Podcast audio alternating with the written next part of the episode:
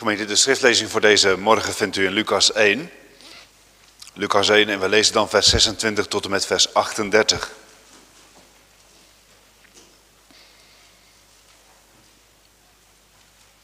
Lucas 1, vers 26 tot en met 38. En we staan vanmorgen stil bij de versen 26 tot en met 30. Dat is dus de tekst voor deze morgen. Lucas 1, vers 26 tot en met 30. We lezen door tot en met vers 38.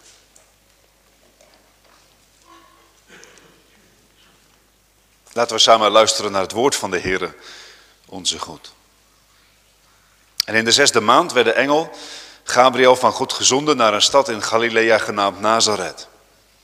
Tot een maagd die ondertrouwd was met een man wiens naam was Jozef. Uit het huis van David en de naam van de maagd was Maria. En de engel tot haar ingekomen zijnde zei, Wees gegroet, gij begenadigde, de Heere is met u. Gij zijt gezegend onder de vrouwen. En als ze hem zag, werd zij zeer ontroerd over dit zijn woord en overlegde hoe danig deze groetenis mocht zijn. En de engel zei tot haar, vrees niet, Maria, want gij hebt genade bij God gevonden. En zie, gij zult bevrucht worden en een zoon baren en zult zijn naam heten Jezus. Deze zal groot zijn en de zoon van de Allerhoogste genaamd worden. En God de Heere zal hem de troon van zijn vader David geven. En hij zal over het huis van Jacob koning zijn de eeuwigheid. En aan zijn koninkrijk zal geen einde zijn. En Maria zei tot de engel, hoe zal dat wezen terwijl ik geen man beken? En de engel antwoordende zei tot haar, de heilige geest zal over u komen en de kracht van de Allerhoogste zal u overschaduwen. Daarom ook, dat heilige dat uit u geboren zal worden, zal Gods zoon genaamd worden. En zie, Elisabeth, uw nicht, is ook zelf bevrucht met een zoon in haar ouderdom. En deze maand is haar die onvruchtbaar genaamd was de zesde. Want geen ding zal bij God onmogelijk zijn. En Maria zei, zie de dienstmaagd des Heren, mij geschieden naar uw woord. En de engel ging weg van haar.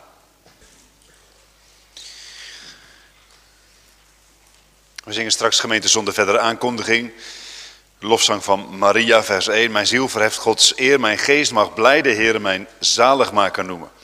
De lofzang van Maria, vers 1, straks in antwoord en in aansluiting om de verkondiging. Vanmorgen dus als tekst Lucas 1, vers 26 tot en met 30. En boven de preek staat dan annunciatie. Annunciatie, dat betekent aankondiging. Het is eigenlijk de oude naam al voor dit gedeelte wat centraal staat dat de engel de geboorte van Jezus aankondigt aan Maria. Dus vandaar annunciatie boven de preek. Drie gedachten of aandachtspunten allereerst. Gabriels komst. Ten tweede Maria's verwondering. En ten derde vrees niet. Dus als eerste Gabriels komst. Dat is met name vers 26, het eerste deel. En dan ook rondom juist Gabriel die komt. Ten tweede Maria's verwondering. Dat is met name vers 29. En dan vrees niet. Dat is met name vers 30 en ook vers 28. Gabriels komst dus als eerste. Gemeente, adventstijd is toch altijd wel weer een bijzondere tijd. Jongens en meisjes, toeleven naar het kerstfeest. De donkere dagen voor kerst, zeggen ze wel eens, al schijnt de zon prachtig deze morgen. Maar toch een bijzondere tijd, de vier weken voorafgaand aan kerst. Advent, kinderen van Advent, toeleven naar het kerstfeest. Maar waar onze Advent, om het zo te zeggen, vier weken duurt voorafgaand aan kerst 25 december, was het Advent van toen eeuwenlang. Vanaf de aankondiging direct na de zondeval dat, dat er een Messias komen zou, dat, dat er Verlosser komen zou. Is het advent geweest. Want wat betekent advent? Wel, advent betekent komst. En dan gaat het natuurlijk, jongens en meisjes, dat begrijpen jullie wel, om de komende. Want wie komt er dan als advent komst betekent? Nou, de komende komt, dat is God die mens geworden is. De Heer Jezus die uit de hoge hemel neerdaalde en die in die kribbe in Bethlehem gelegd werd, geboren uit de maagd Maria. In armoede. Hij die zo rijk was. Hij die de wereld, door wie de wereld geschapen is, kwam in deze wereld. Onvoorstelbaar als je daarover nadenkt. Dat God mens geworden is. Het is goed daar ieder jaar weer bij stil te staan. Dat kun je je afvragen, toch? Jongeren misschien. Waarom dan ieder jaar weer diezelfde kerstfeestviering? Waarom ieder jaar weer diezelfde boodschap van de komst van Jezus? De Zoon van God op deze aarde. Waarom ieder jaar weer Goede Vrijdag, Pasen, Pinksteren en noem maar op. Heel het kerkelijk jaar. Wel juist omdat het gaat om, om de feiten van het heil. Het geloof, het christelijk geloof is niet, niet, niet gebaseerd op wat ideeën, maar op feiten die echt gebeurd zijn in de geschiedenis destijds. En feiten van redding zijn, heilsfeiten. Het is werkelijk gebeurd. En wij gedenken dat ieder jaar. Niet zozeer omdat we bang zijn, jongens en meisjes, dat jullie vergeten wat kerst betekent. Al zou dat ook kunnen gebeuren. Te midden van alle drukte, dat je niet denkt aan de betekenis van kerst. Maar voornamelijk dat het de kern is van de verkondiging Christus Jezus en zijn werk. En dat we wel geneigd zijn te vergeten in het christenleven, en ook zelfs als christelijke gemeente, dat uiteindelijk de kern is van het christelijk geloof, de grond is van het geloof, de grond is van de hoop, waarop alles vast staat. Niet om ons gaat het. En niet om ons werk. Niet om wat wij doen, wat wij voor elkaar krijgen. Al is het goed als u voor volgende week zondagmiddag mensen uitnodigt natuurlijk. Dat vraagt ook enige inspanning en moed in biddende op, biddend opzien tot de Heer. Maar, maar tegelijk is onze inspanningen, onze inspanningen zijn niet de grond van het geloof. En onze inspanningen zijn niet de, de hoop die wij vast hebben. Maar dat is het werk van Christus alleen. En daarom ieder jaar opnieuw daarbij bepaald. Die verkondiging steeds weer centraal. Zoals Paulus Jezus Christus en die gekruisigd centraal had staan in zijn verkondiging. Opdat we niet vergeten zouden. Opdat we niet verdrinken zouden in wat wij doen voor God. Maar leven zouden uit wat God doet voor zondaren. Deed en doet. Gedenken van kerst, gemeente, is dus niet er alleen aan terugdenken. Maar is opnieuw je daaraan toevertrouwen. Aan zijn werk. Hij kwam. Met kerst op deze aarde, onvoorstelbaar. De hoge God, de Zoon, die mens geworden is. En tegelijkertijd betekent Advent vandaag nog meer. Niet alleen dat terugdenken en gedenken van, van, wat, van wat gebeurd is, maar ook toeleven naar wat komen zal. Hij is gekomen immers. Christus is op deze wereld gekomen. We moeten niet in deze weken doen alsof hij nog niet gekomen is. Hij is gekomen. Zijn komst betekent het kantelpunt van de geschiedenis van de wereld. Advent betekent dus toeleven naar zijn eerste komst, althans het gedenken daarvan. Maar betekent ook toeleven van, of leven vanuit zijn eerste komst naar zijn tweede komst, zijn wederkomst. Want de eindtijd is aangebroken toen Jezus op deze wereld kwam. Het kantelpunt van de geschiedenis, zei ik al. Het brandpunt van de wereldgeschiedenis. En wat dat betreft is het bijzonder dat juist Gabriel hier komt. De engel Gabriel. Zoals Lucas dat schrijft, in de zesde maand werd de engel Gabriel van God gezonden naar een stad in Galilea genaamd Nazareth. De naam Gabriel betekent sterke man van God of, of anders vertaald, God is krachtig, God is machtig. En de engel Gabriel was een hooggeplaatste engel. U weet misschien, er zijn heel veel engelen talloze engelen en ze zijn ook in orden verdeeld. Je hebt de serafijnen en de cherubijnen en je hebt de aardse engel Michael bijvoorbeeld. En ook Gabriel is een hooggeplaatste engel als het gaat om de orde van de engelen die God heeft ingesteld. Deze engel is een engel die voor God staat. Dat heeft hij gezegd tegen Zacharias in de tempel, vers 19. En de engel zei tot Zacharias, ik ben Gabriel die voor God sta, die in dienst van God sta. Die op Gods bevel heen gaat. En zo gaat hij op Gods bevel heen naar Maria, hier in Nazareth, om de, aan, om de geboorte van de zoon van God aan te kondigen. Deze engel zijn we eerder tegengekomen in de Bijbel. Met name in het boek Daniel. Daniel 8 en Daniel 9. Daniel 8, vers 16 staat dit. En ik hoorde tussen Ulai een mensenstem. Die riep en zei, Gabriel, geef deze het gezicht te verstaan. De stem van een mens, de mens. Gabriel, geef het gezicht aan Daniel te verstaan wat komen zal. En ook als Daniel in gebed is, even later in hoofdstuk 9, vers 21. Als ik nog sprak in het gebed, zo kwam een, de man Gabriel, die ik in het begin in een gezicht gezien had, snellijk aangevlogen, mij aanrakende omtrent de tijd van het avondoffer. Deze sterke man van God wordt, wordt naar Daniel gestuurd om het gezicht uit te leggen, om de toekomst te onthullen voor Daniel. Zowel in hoofdstuk 8 als in hoofdstuk 9.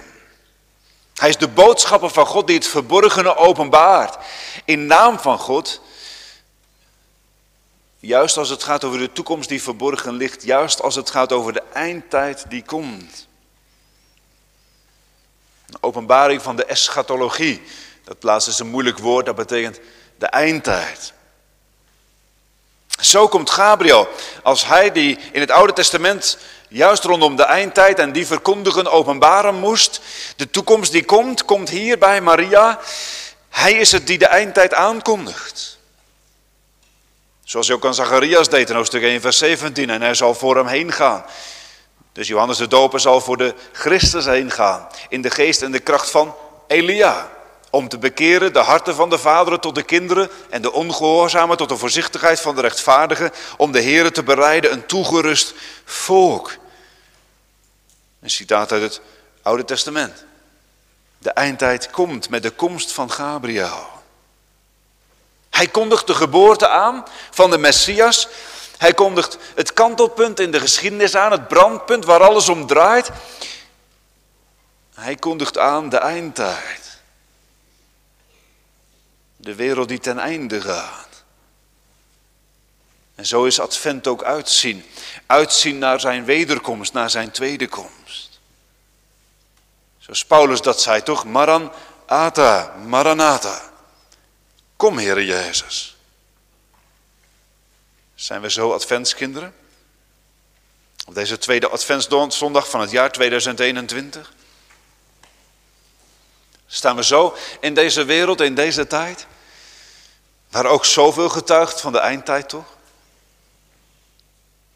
Maranatha, uitzien naar zijn komst?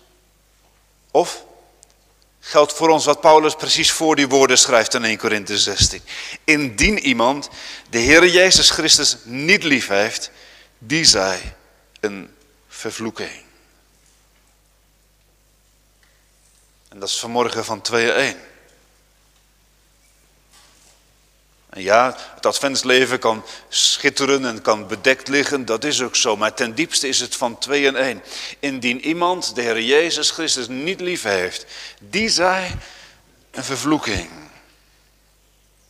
Die ligt onder de toorn van God. En zal als hij komt, voor eeuwig omkomen. Als hij dan nog steeds niet de Heer Jezus Christus lief heeft. En zo gemeente is Advent ook een, Advent niet alleen een tijd van uitzien, maar ook een, een ernstige tijd, een confronterende tijd. Indien iemand de Jezus Christus niet lief heeft, zij een vervloeking. Of is het in uw leven Maranatha, omdat u hem lief hebt gekregen? Hoe kan dat dan samengaan in de verkondiging? Die ernst, en die ruimte. Wel, dat schittert, juist ook in deze geschiedenis. Tweede punt is Maria's verwondering. Want Gabriel, deze engel dus, die de eindtijd aankondigt, die de geboorte van Jezus aankondigt. gaat naar Nazareth. Vers 26 zegt, in de zesde maand werd de engel Gabriel van God gezonden naar een stad in Galilea genaamd Nazareth. Wat is de zesde maand? Welke zesde maand? Nou, als we even teruglezen, dan gaat het om de zwangerschap van Elisabeth. Dus in de zesde maand, als Elisabeth zes maanden zwanger is, op dat moment wordt Gabriel gestuurd naar Maria. Zo zegt hij in vers 36 toch tegen Maria. Zie, Elisabeth, uw nicht, is ook zelf bevrucht met een zoon in haar ouderdom. En deze maand is haar, die onvruchtbaar genaamd was, de zesde. Dus dat is de zesde maand. De zesde maand van de zwangerschap van Elisabeth wordt Gabriel opnieuw naar de wereld gestuurd. Opnieuw, nee, niet naar Jeruzalem. Naar een onbekend stadje. In het noorden van Israël. Nazareth. Niet in tel. Veracht. Ze voelde zich ook achtergebleven. En denk aan die woorden. Kan uit Nazareth iets goeds komen? je, zou, je zou hier in Zeeland bijna denken aan Zeeuws-Vlaanderen. Bijna onbereikbaar. Behalve dan door een tunnel of je moet omrijden via België. Achtergesteld. Weinig aandacht voor. Zoiets. Nazareth. Ver weg van het centrum van het land, Jeruzalem. Ver weg van het religieuze centrum, ook in Jeruzalem, de tempel. Ja, daar was de engel Gabriel de eerste keer heen gestuurd. Hè.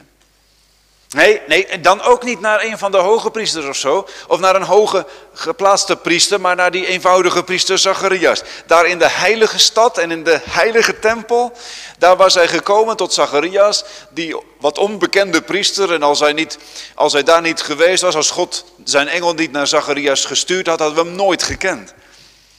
Zijn naam niet geweten, evenmin als van Elisabeth. Maar, maar daar wordt hij eerst heen gestuurd, naar de heilige stad, de heilige tempel, naar een, naar een, wat zouden wij zeggen, onbetekenende priester die toch een grote plaats krijgt in het heilsplan van God. Maar nu, nu naar Nazareth,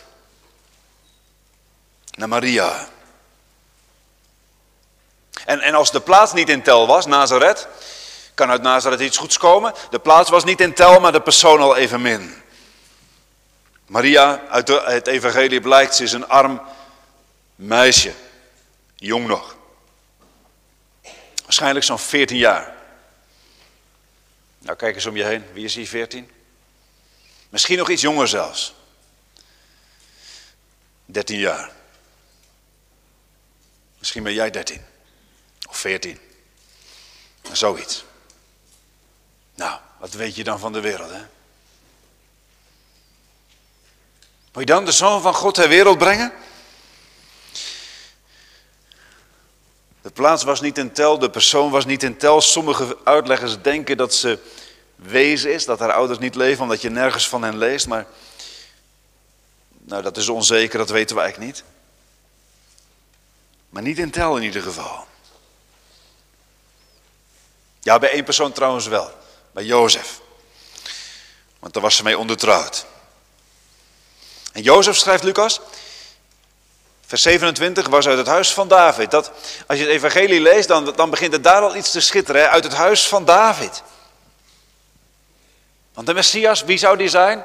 Uit welk huis, uit welk geslacht zou die geboren worden? Ja, hij zou een, hij zou een, een kind zijn, een in het nageslacht van koning David geboren worden. Wel, van het huis van David. Het is niet zichtbaar in hun leven. Ze zitten niet op de troon.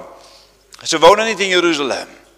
Ze zijn niet rijk en met eer bekleed, maar het is onzichtbaar. Maar, maar, maar, maar dat is wel de hoop. Het huis van David. Uit Davids nageslacht zal de Messias geboren worden. Hij zal Davids zoon zijn. Maar verder, voor het oog maar niet in tel. Arm, jong, ondertrouwd, zeg maar verloofd met Jozef. En dan komt de engel. Van God gezonden naar Nazareth, Maria. En de engel die treedt naar binnen. Ze zit kennelijk in huis. Zij komt bij haar binnen. Door de deur heen. Ga ik maar vanuit. Ineens staat hij in ieder geval binnen bij haar, thuis. Wees gegroet, zegt hij. In het Grieks staat er eigenlijk verheug u. En de staatsvertalers hebben het niet op zich verkeerd gedaan, want dat is ook vaak een groet. Die woorden in het Grieks verheug u, die worden vaak als groet gebruikt. Maar, maar toch, toch zou ik hier de voorkeur hebben voor de vertaling verheug u, omdat Lucas die woorden verheug u bijna nooit als groet gebruikt. Hij doet het twee keer in handelingen en verder gebruikt hij als groet eigenlijk altijd vrede zij u. Verheug u. En dat beeld van vreugde komt toch steeds weer naar voren in deze, in deze hoofdstukken die, die Lucas schrijft als het gaat om de geboorte van Johannes de Doper en de geboorte van Jezus. Ik noem maar een paar versen. Hoofdstuk 1, vers 14. En u zal blijdschap en vreugde zijn. En velen zullen zich over de geboorte van Johannes de Doper verblijden. We kunnen ook kijken naar vers 47. Waar staat in de lofzang van Maria, en mijn geest verheugt zich in God, mijn zaligmaker. En in vers 58, als het gaat over de blijdschap van allen die hoorden van de, Johannes, van de geboorte van, van Johannes de Doper en de barmhartigheid die God aan Elisabeth had bewezen. En denk ook aan de geboorte van de Messias, hoofdstuk 2, vers 10. Als de engel zegt, vrees niet tegen het herders. Daar zijn ze in het, in, het, in het veld en opeens is de engel daar. En hij zegt, vrees niet, want zie, ik verkondig u grote blijdschap die al de volken wezen zal. Verheug u, gij begenadigde. Een beeld van vreugde komt toch uit deze hoofdstukken op. Verheug u. Maria, verheug u, gij begenadigde. Het is zoals in het Oude Testament ook vaak klonk. Verheug u, want God komt. Verheug u om wie God is. Verheug u omdat God opzoekt. Verheug u omdat God genadig is. Verheug u en wees verblijd in Hem.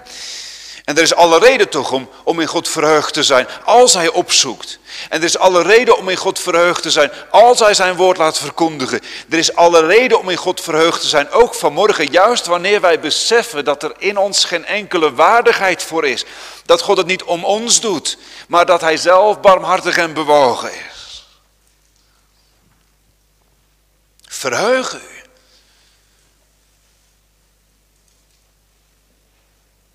Maria is er verbaasd over, verbijsterd eigenlijk. De Heer is met u, gij zijt gezegend onder de vrouwen. En dan vers 29. Als ze hem zag, werd zij zeer ontroerd. Dat, dat kan verwondering betekenen, of zelfs nog sterker verwarring, of dat ze perplex staat van wat er gebeurt. Nou, wacht eens even. Perplex van wat er gebeurt, dat staat er eigenlijk niet. Hè? Dat kun je je wel voorstellen, jongens en meisjes. Stel je voor dat je in huis zit, net als Maria. En je bent 14 jaar of 13, of iets ouder, of iets jonger. En ineens zou er een engel staan. Nou, je zou inderdaad perplex staan, in verwarring zijn, in verwondering zijn. En toch zegt vers 29 niet zozeer dat ze, dat ze perplex is over wat ze ziet. Als ze hem zag, werd ze zeer ontroerd. Waarover dan? Over dit zijn woord. Over wat hij zegt. En overlegde hoe danig deze groetenis zou zijn. Wees gegroet, gij begenadigde. De Heere is met u. U bent gezegend onder de vrouwen. En ze staat perplex als ze hem ziet en met name over wat hij zegt. Die woorden, gij begenadigde, de Heer is met u. U bent gezegend onder de vrouwen. Gezegend onder de vrouwen.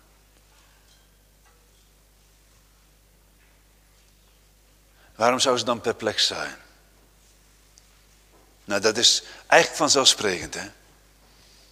Of niet?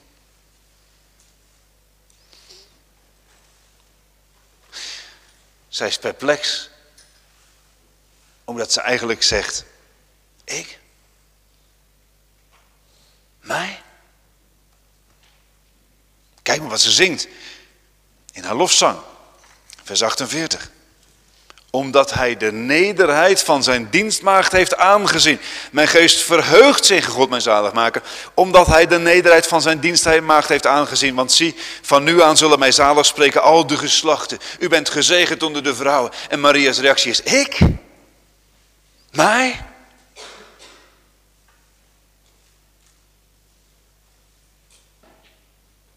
Gij begenadigde. Ik? Voor mij? Dat is verwondering. Hè? Geloof en verwondering gaan altijd samen. Geloof zonder verwondering is ten diepste geen geloof. Het is altijd een wonder. Genade ontvang je altijd als onwaardige, als rechteloze in jezelf. En daarom zei ik net, dat is toch vanzelfsprekend de reactie van Maria. Maar eerlijk gezegd moeten we ook zeggen, het is helemaal niet zo vanzelfsprekend.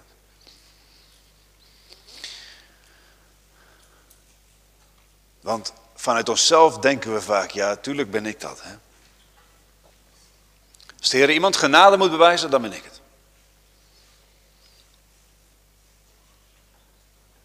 Als iemand die functie toekomt, ben ik het.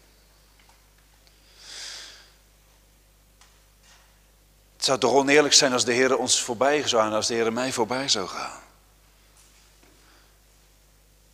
Niet, niet rechteloos in onszelf, maar rechthebbend. Er is altijd wel iets, herkent u dat? Ik wel, bij mezelf in ieder geval.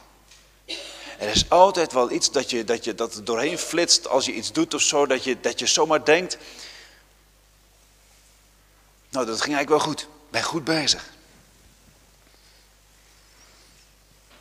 Dat je, dat je probeert als je, als, je, als, je, als je iets van je zonde ziet, dat je probeert jezelf te herstellen en, en beter je best te doen. En ik ga meer mijn Bijbel lezen, dat is op zich goed natuurlijk. Ik ga meer bidden en dan voel je je ook wat beter als je het allemaal doet. Je, nou ik ben toch aardig goed bezig.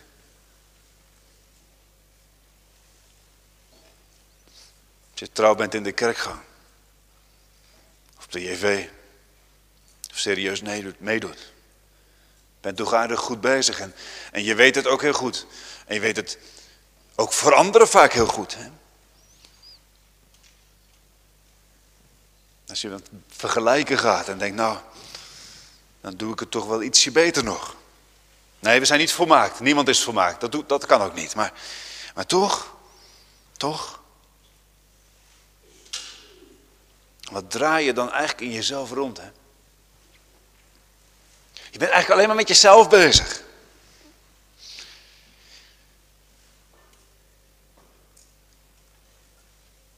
En dan is het bijna logisch als de Heer uw genade bewijst. En zou het oneerlijk zijn als de Heer u jou mij voorbij zou gaan. Maar hoe anders wordt het gemeente als het licht van de geest als het woord met het licht van de geest over ons leven gaat. Het licht, het licht van Gods heilige wet, van Gods heiligheid. Zoals bij Jezaja in dat visioen, als hij, als hij de heiligheid van God ziet en de heilige majesteit en, en, en, en de engelen hoort roepen, heilig, heilig, heilig is de Heer der Heerscharen, dan, dan zegt hij, wee mij, want ik verga. En dan moet u weten dat dat, dat wee in Jezaja is het zevende wee. In hoofdstuk 5 staan er zes weeën. Zes keer wee. Over dit en over die en over zus. Over goddeloosheid, over goddelozen. Zes keer wee. En dan, en dan, dan, dan vraag je je af, waar, waar blijft dat zevende wee? En misschien heeft Jezaja zichzelf dat ook wel afgevraagd. Waar blijft dat zevende wee? Iemand schreef eens een keer, dat Jezaja, stel je voor dat Jezaja na dat visioen naar een vriend gegaan was en had gezegd, nu weet ik voor wie dat zevende wee is. Beste vriend, dat zevende wee is voor mij. En die vriend zou gezegd hebben, jij? Je bent de enige die de Heere verkondigt nog als profeet van hem. Is voor mij. Wee mij, want ik verga.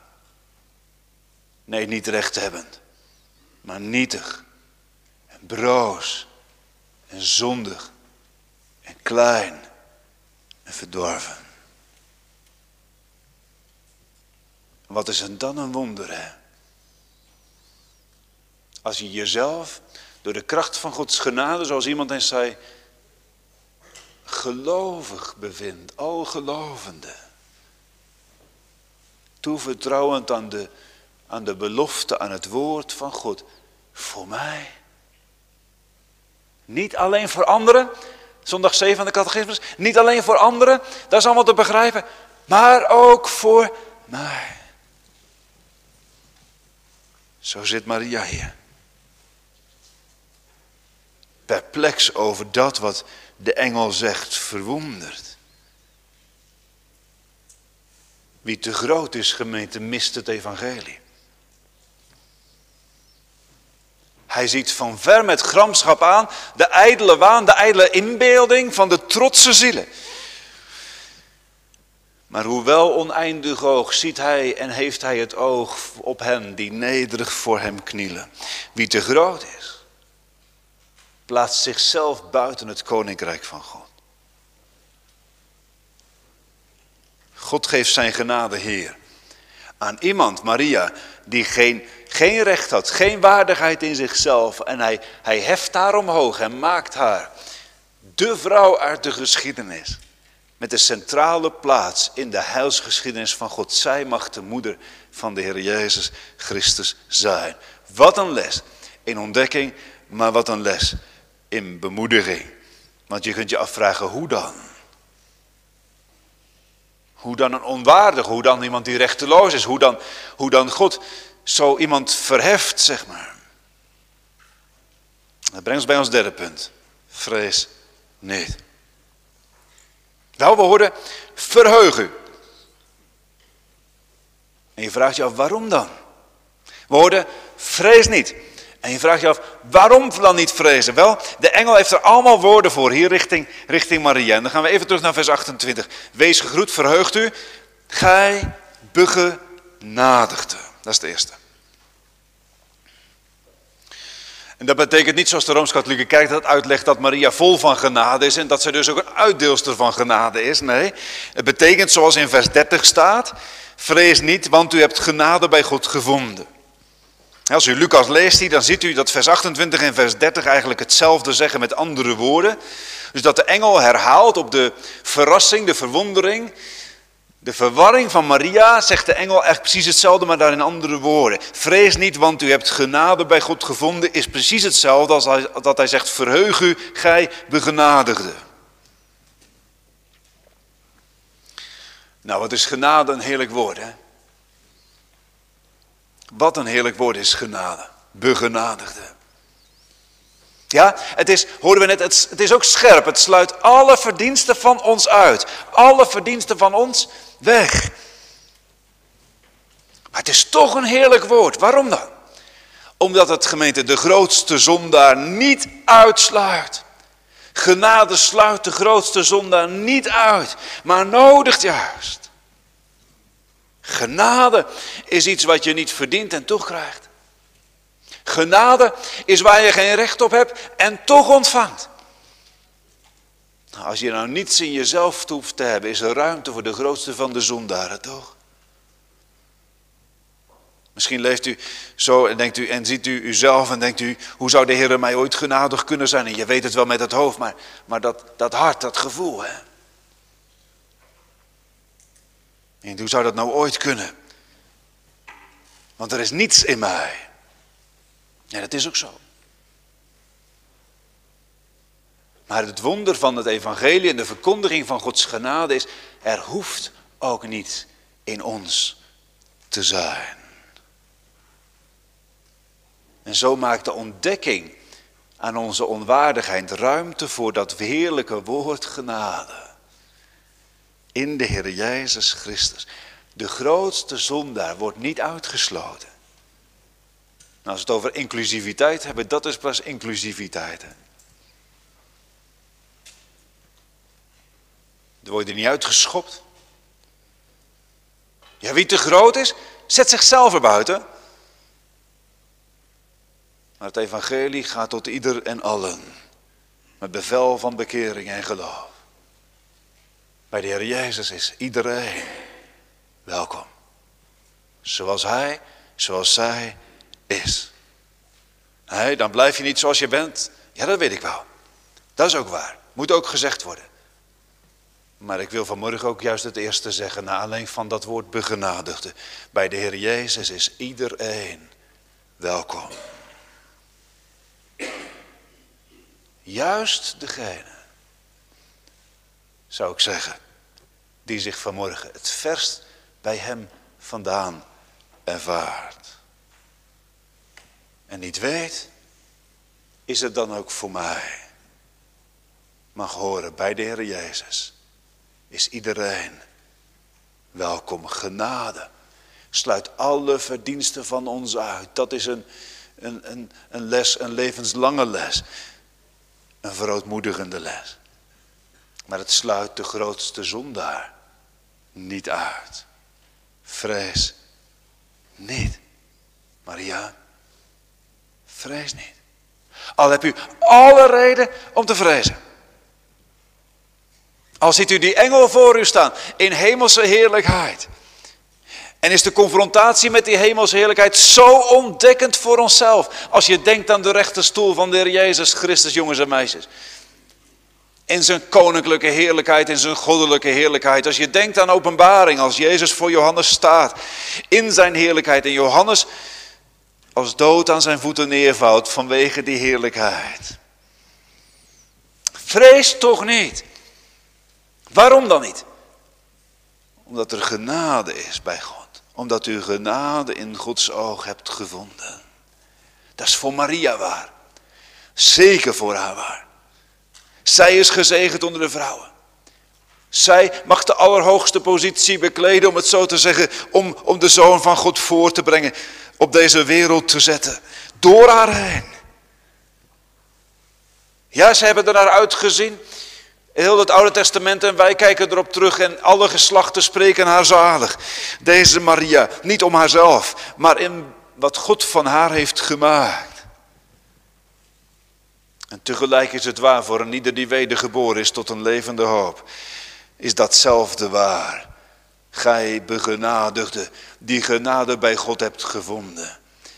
Niet uit ons, maar alles uit hem. Wedergeboren tot een levende hoop. Het heil, de vreugde, de verlossing is in de zoon van Maria, is in de zoon van God die mens geworden is. Dan zingt Maria. Mijn ziel verheft Gods eer. Mijn geest mag blij de Heer, mijn zaligmaker noemen. Dat is toch een wonder van genade.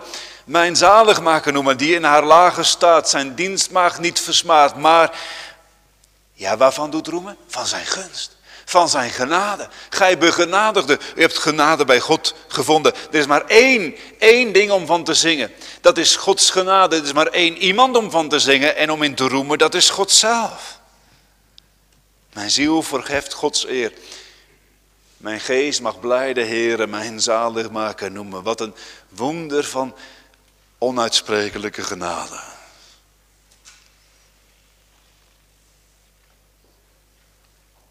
Weet de Heer dan ook van mij af, vraagt iemand.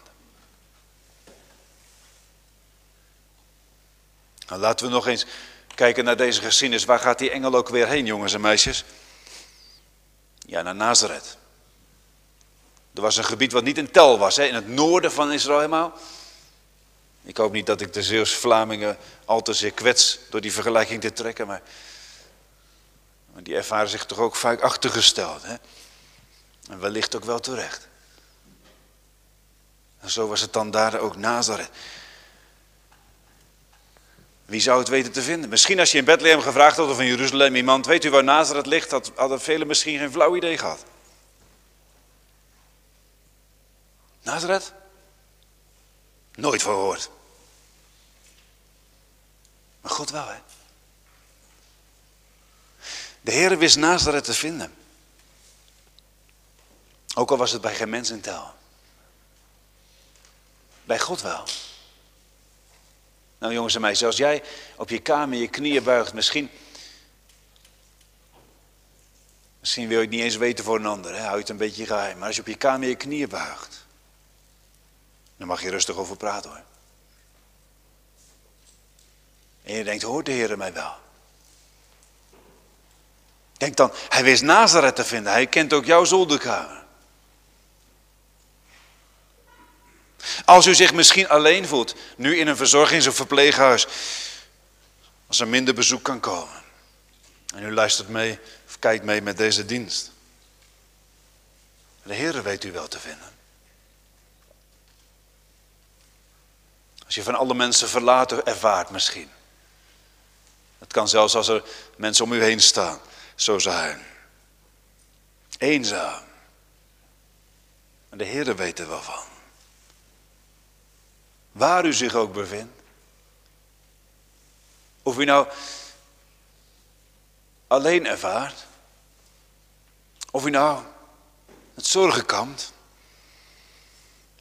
Of u nou daar in die stille kamer uw knieën voor God buigt. Of misschien kunt u uw knieën niet meer buigen. Op uw bed uw handen vouwt. Maar de Heer is bekend. Hij slaat doch, hoewel hij oneindig hoog is, op hen het oog die nederig knielen. Grijp dan deze Heer aan. Hij hoort nogthans, al denk je soms dat het gebed niet verder komt dan, de, dan het plafond. Hè? Of misschien denkt u dat vaak of zelfs altijd. Toch is hij de horende God. En de hoorder van de gebeden. O grijp hem dan zo aan.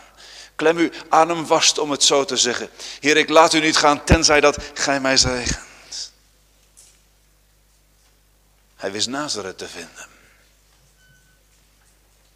Zo weet hij iedere zolderkamer of iedere stille kamer, waar dan ook, te vinden. De Heer weet alle dingen. En nog iets in deze geschiedenis. Want de engel zegt nog meer. Hij zegt, niet alleen begenadigde, niet alleen u bent gezegend onder de vrouwen, niet alleen u hebt genade bij God gevonden, maar hij zegt ook, de Heere is met u. Dat is, dat is zo wonderlijk heerlijk. De Heere is met u. In het Oude Testament zie je dat steeds weer terugkomen. Vrees niet, de Heere is met u. Hoe vaak wordt dat niet gezegd? De Heere is met u. En dat betekent, de bron van zegen is met u. En dat betekent, de bron van bescherming is met u.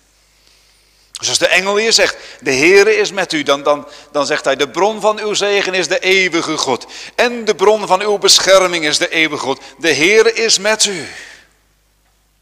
Wat wonderlijk heerlijk voor Maria. Hè? Denk nog even in, ze was 14 jaar ongeveer. Wat zou er allemaal gebeuren in de toekomst? Wat, nou ja, laten we eerst maar eens vragen, wat zal Jozef straks zeggen?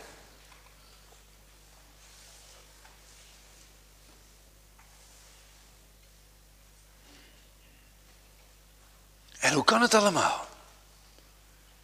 En als nou, als nou haar advent voorbij is, om het zo te zeggen, als zij de heer Jezus Christus ontvangen heeft, als hij geboren is, wat zal daarna nog gebeuren? Nou, wij weten het uit het evangelie. Herodes wil, kind, het kind doden en ze moeten vluchten naar Egypte en dan weer naar Nazareth. En, en uiteindelijk staat ze bij het kruis, een zwaard zal door haar ziel gaan. Maar de engel zegt hier al, in zijn eerste woorden, de Heere is met u. Maria, wat er ook gebeuren zal. De bron van uw zegen is de eeuwige God en de bron van uw bescherming ligt vast in zijn hand. Hij is uw koning en uw God. Nou, net is vandaag ook adventstijd. Hè? Op weg naar de eeuwige toekomst. Dan is hetzelfde in de Heer Jezus Christus waar. Denk aan als hij, vlak voordat hij naar de hemel gaat, zegt hij, ik ben met u alle dagen tot de voleinding der wereld. Zoals tegen Maria gezegd werd in haar adventstijd. Begenadigde. De Heer is met u. Genade bij God gevonden. Zo wordt het vandaag gezegd tot een ieder die de Heer Jezus Christus heeft liefgekregen. Wedergeboren tot een levende hoop die uit zijn genade leeft. Wordt het gezegd, ik ben met u. Hoe het ook zal gaan. Hoe uw ziekte ook afloopt. Wat er ook nog in deze wereld zal gebeuren. Hoe de, de crisis die over deze wereld gaat nog zich verder zal ontwikkelen. En daarom is in dit adventsleven, in dit toeleven naar de wederkomst van Christus toch uiteindelijk één vraag belangrijk. Eén vraag belangrijk. We kunnen ons met zoveel vragen bezighouden. Sommige zijn goed en andere helemaal niet goed. Maar één vraag is echt belangrijk. Leef je nu uit de genade van God? Hebben u nu de Heer Jezus Christus lief gekregen? Is Hij uw borg en middelaar op weg en reis naar de eeuwigheid door dit leven heen? Want, want wij horen al, en ieder die de, Jezus, die de Heer Jezus Christus niet lief heeft, die zij een vervloeking. Maar wie in Hem geborgen is, komt eenmaal bij Hem thuis. Door de nacht van strijd en zorgen, jawel, door strijd tot heerlijkheid, door kruis tot kroon. Maar die ene vraag, wat is daarop uw antwoord? Er is maar één ding belangrijk. Eén naam is onze hoop. Eén grond heeft Christus kerk. Zij rust in ene dopen. Ze is zijn verlossingswerk. Amen.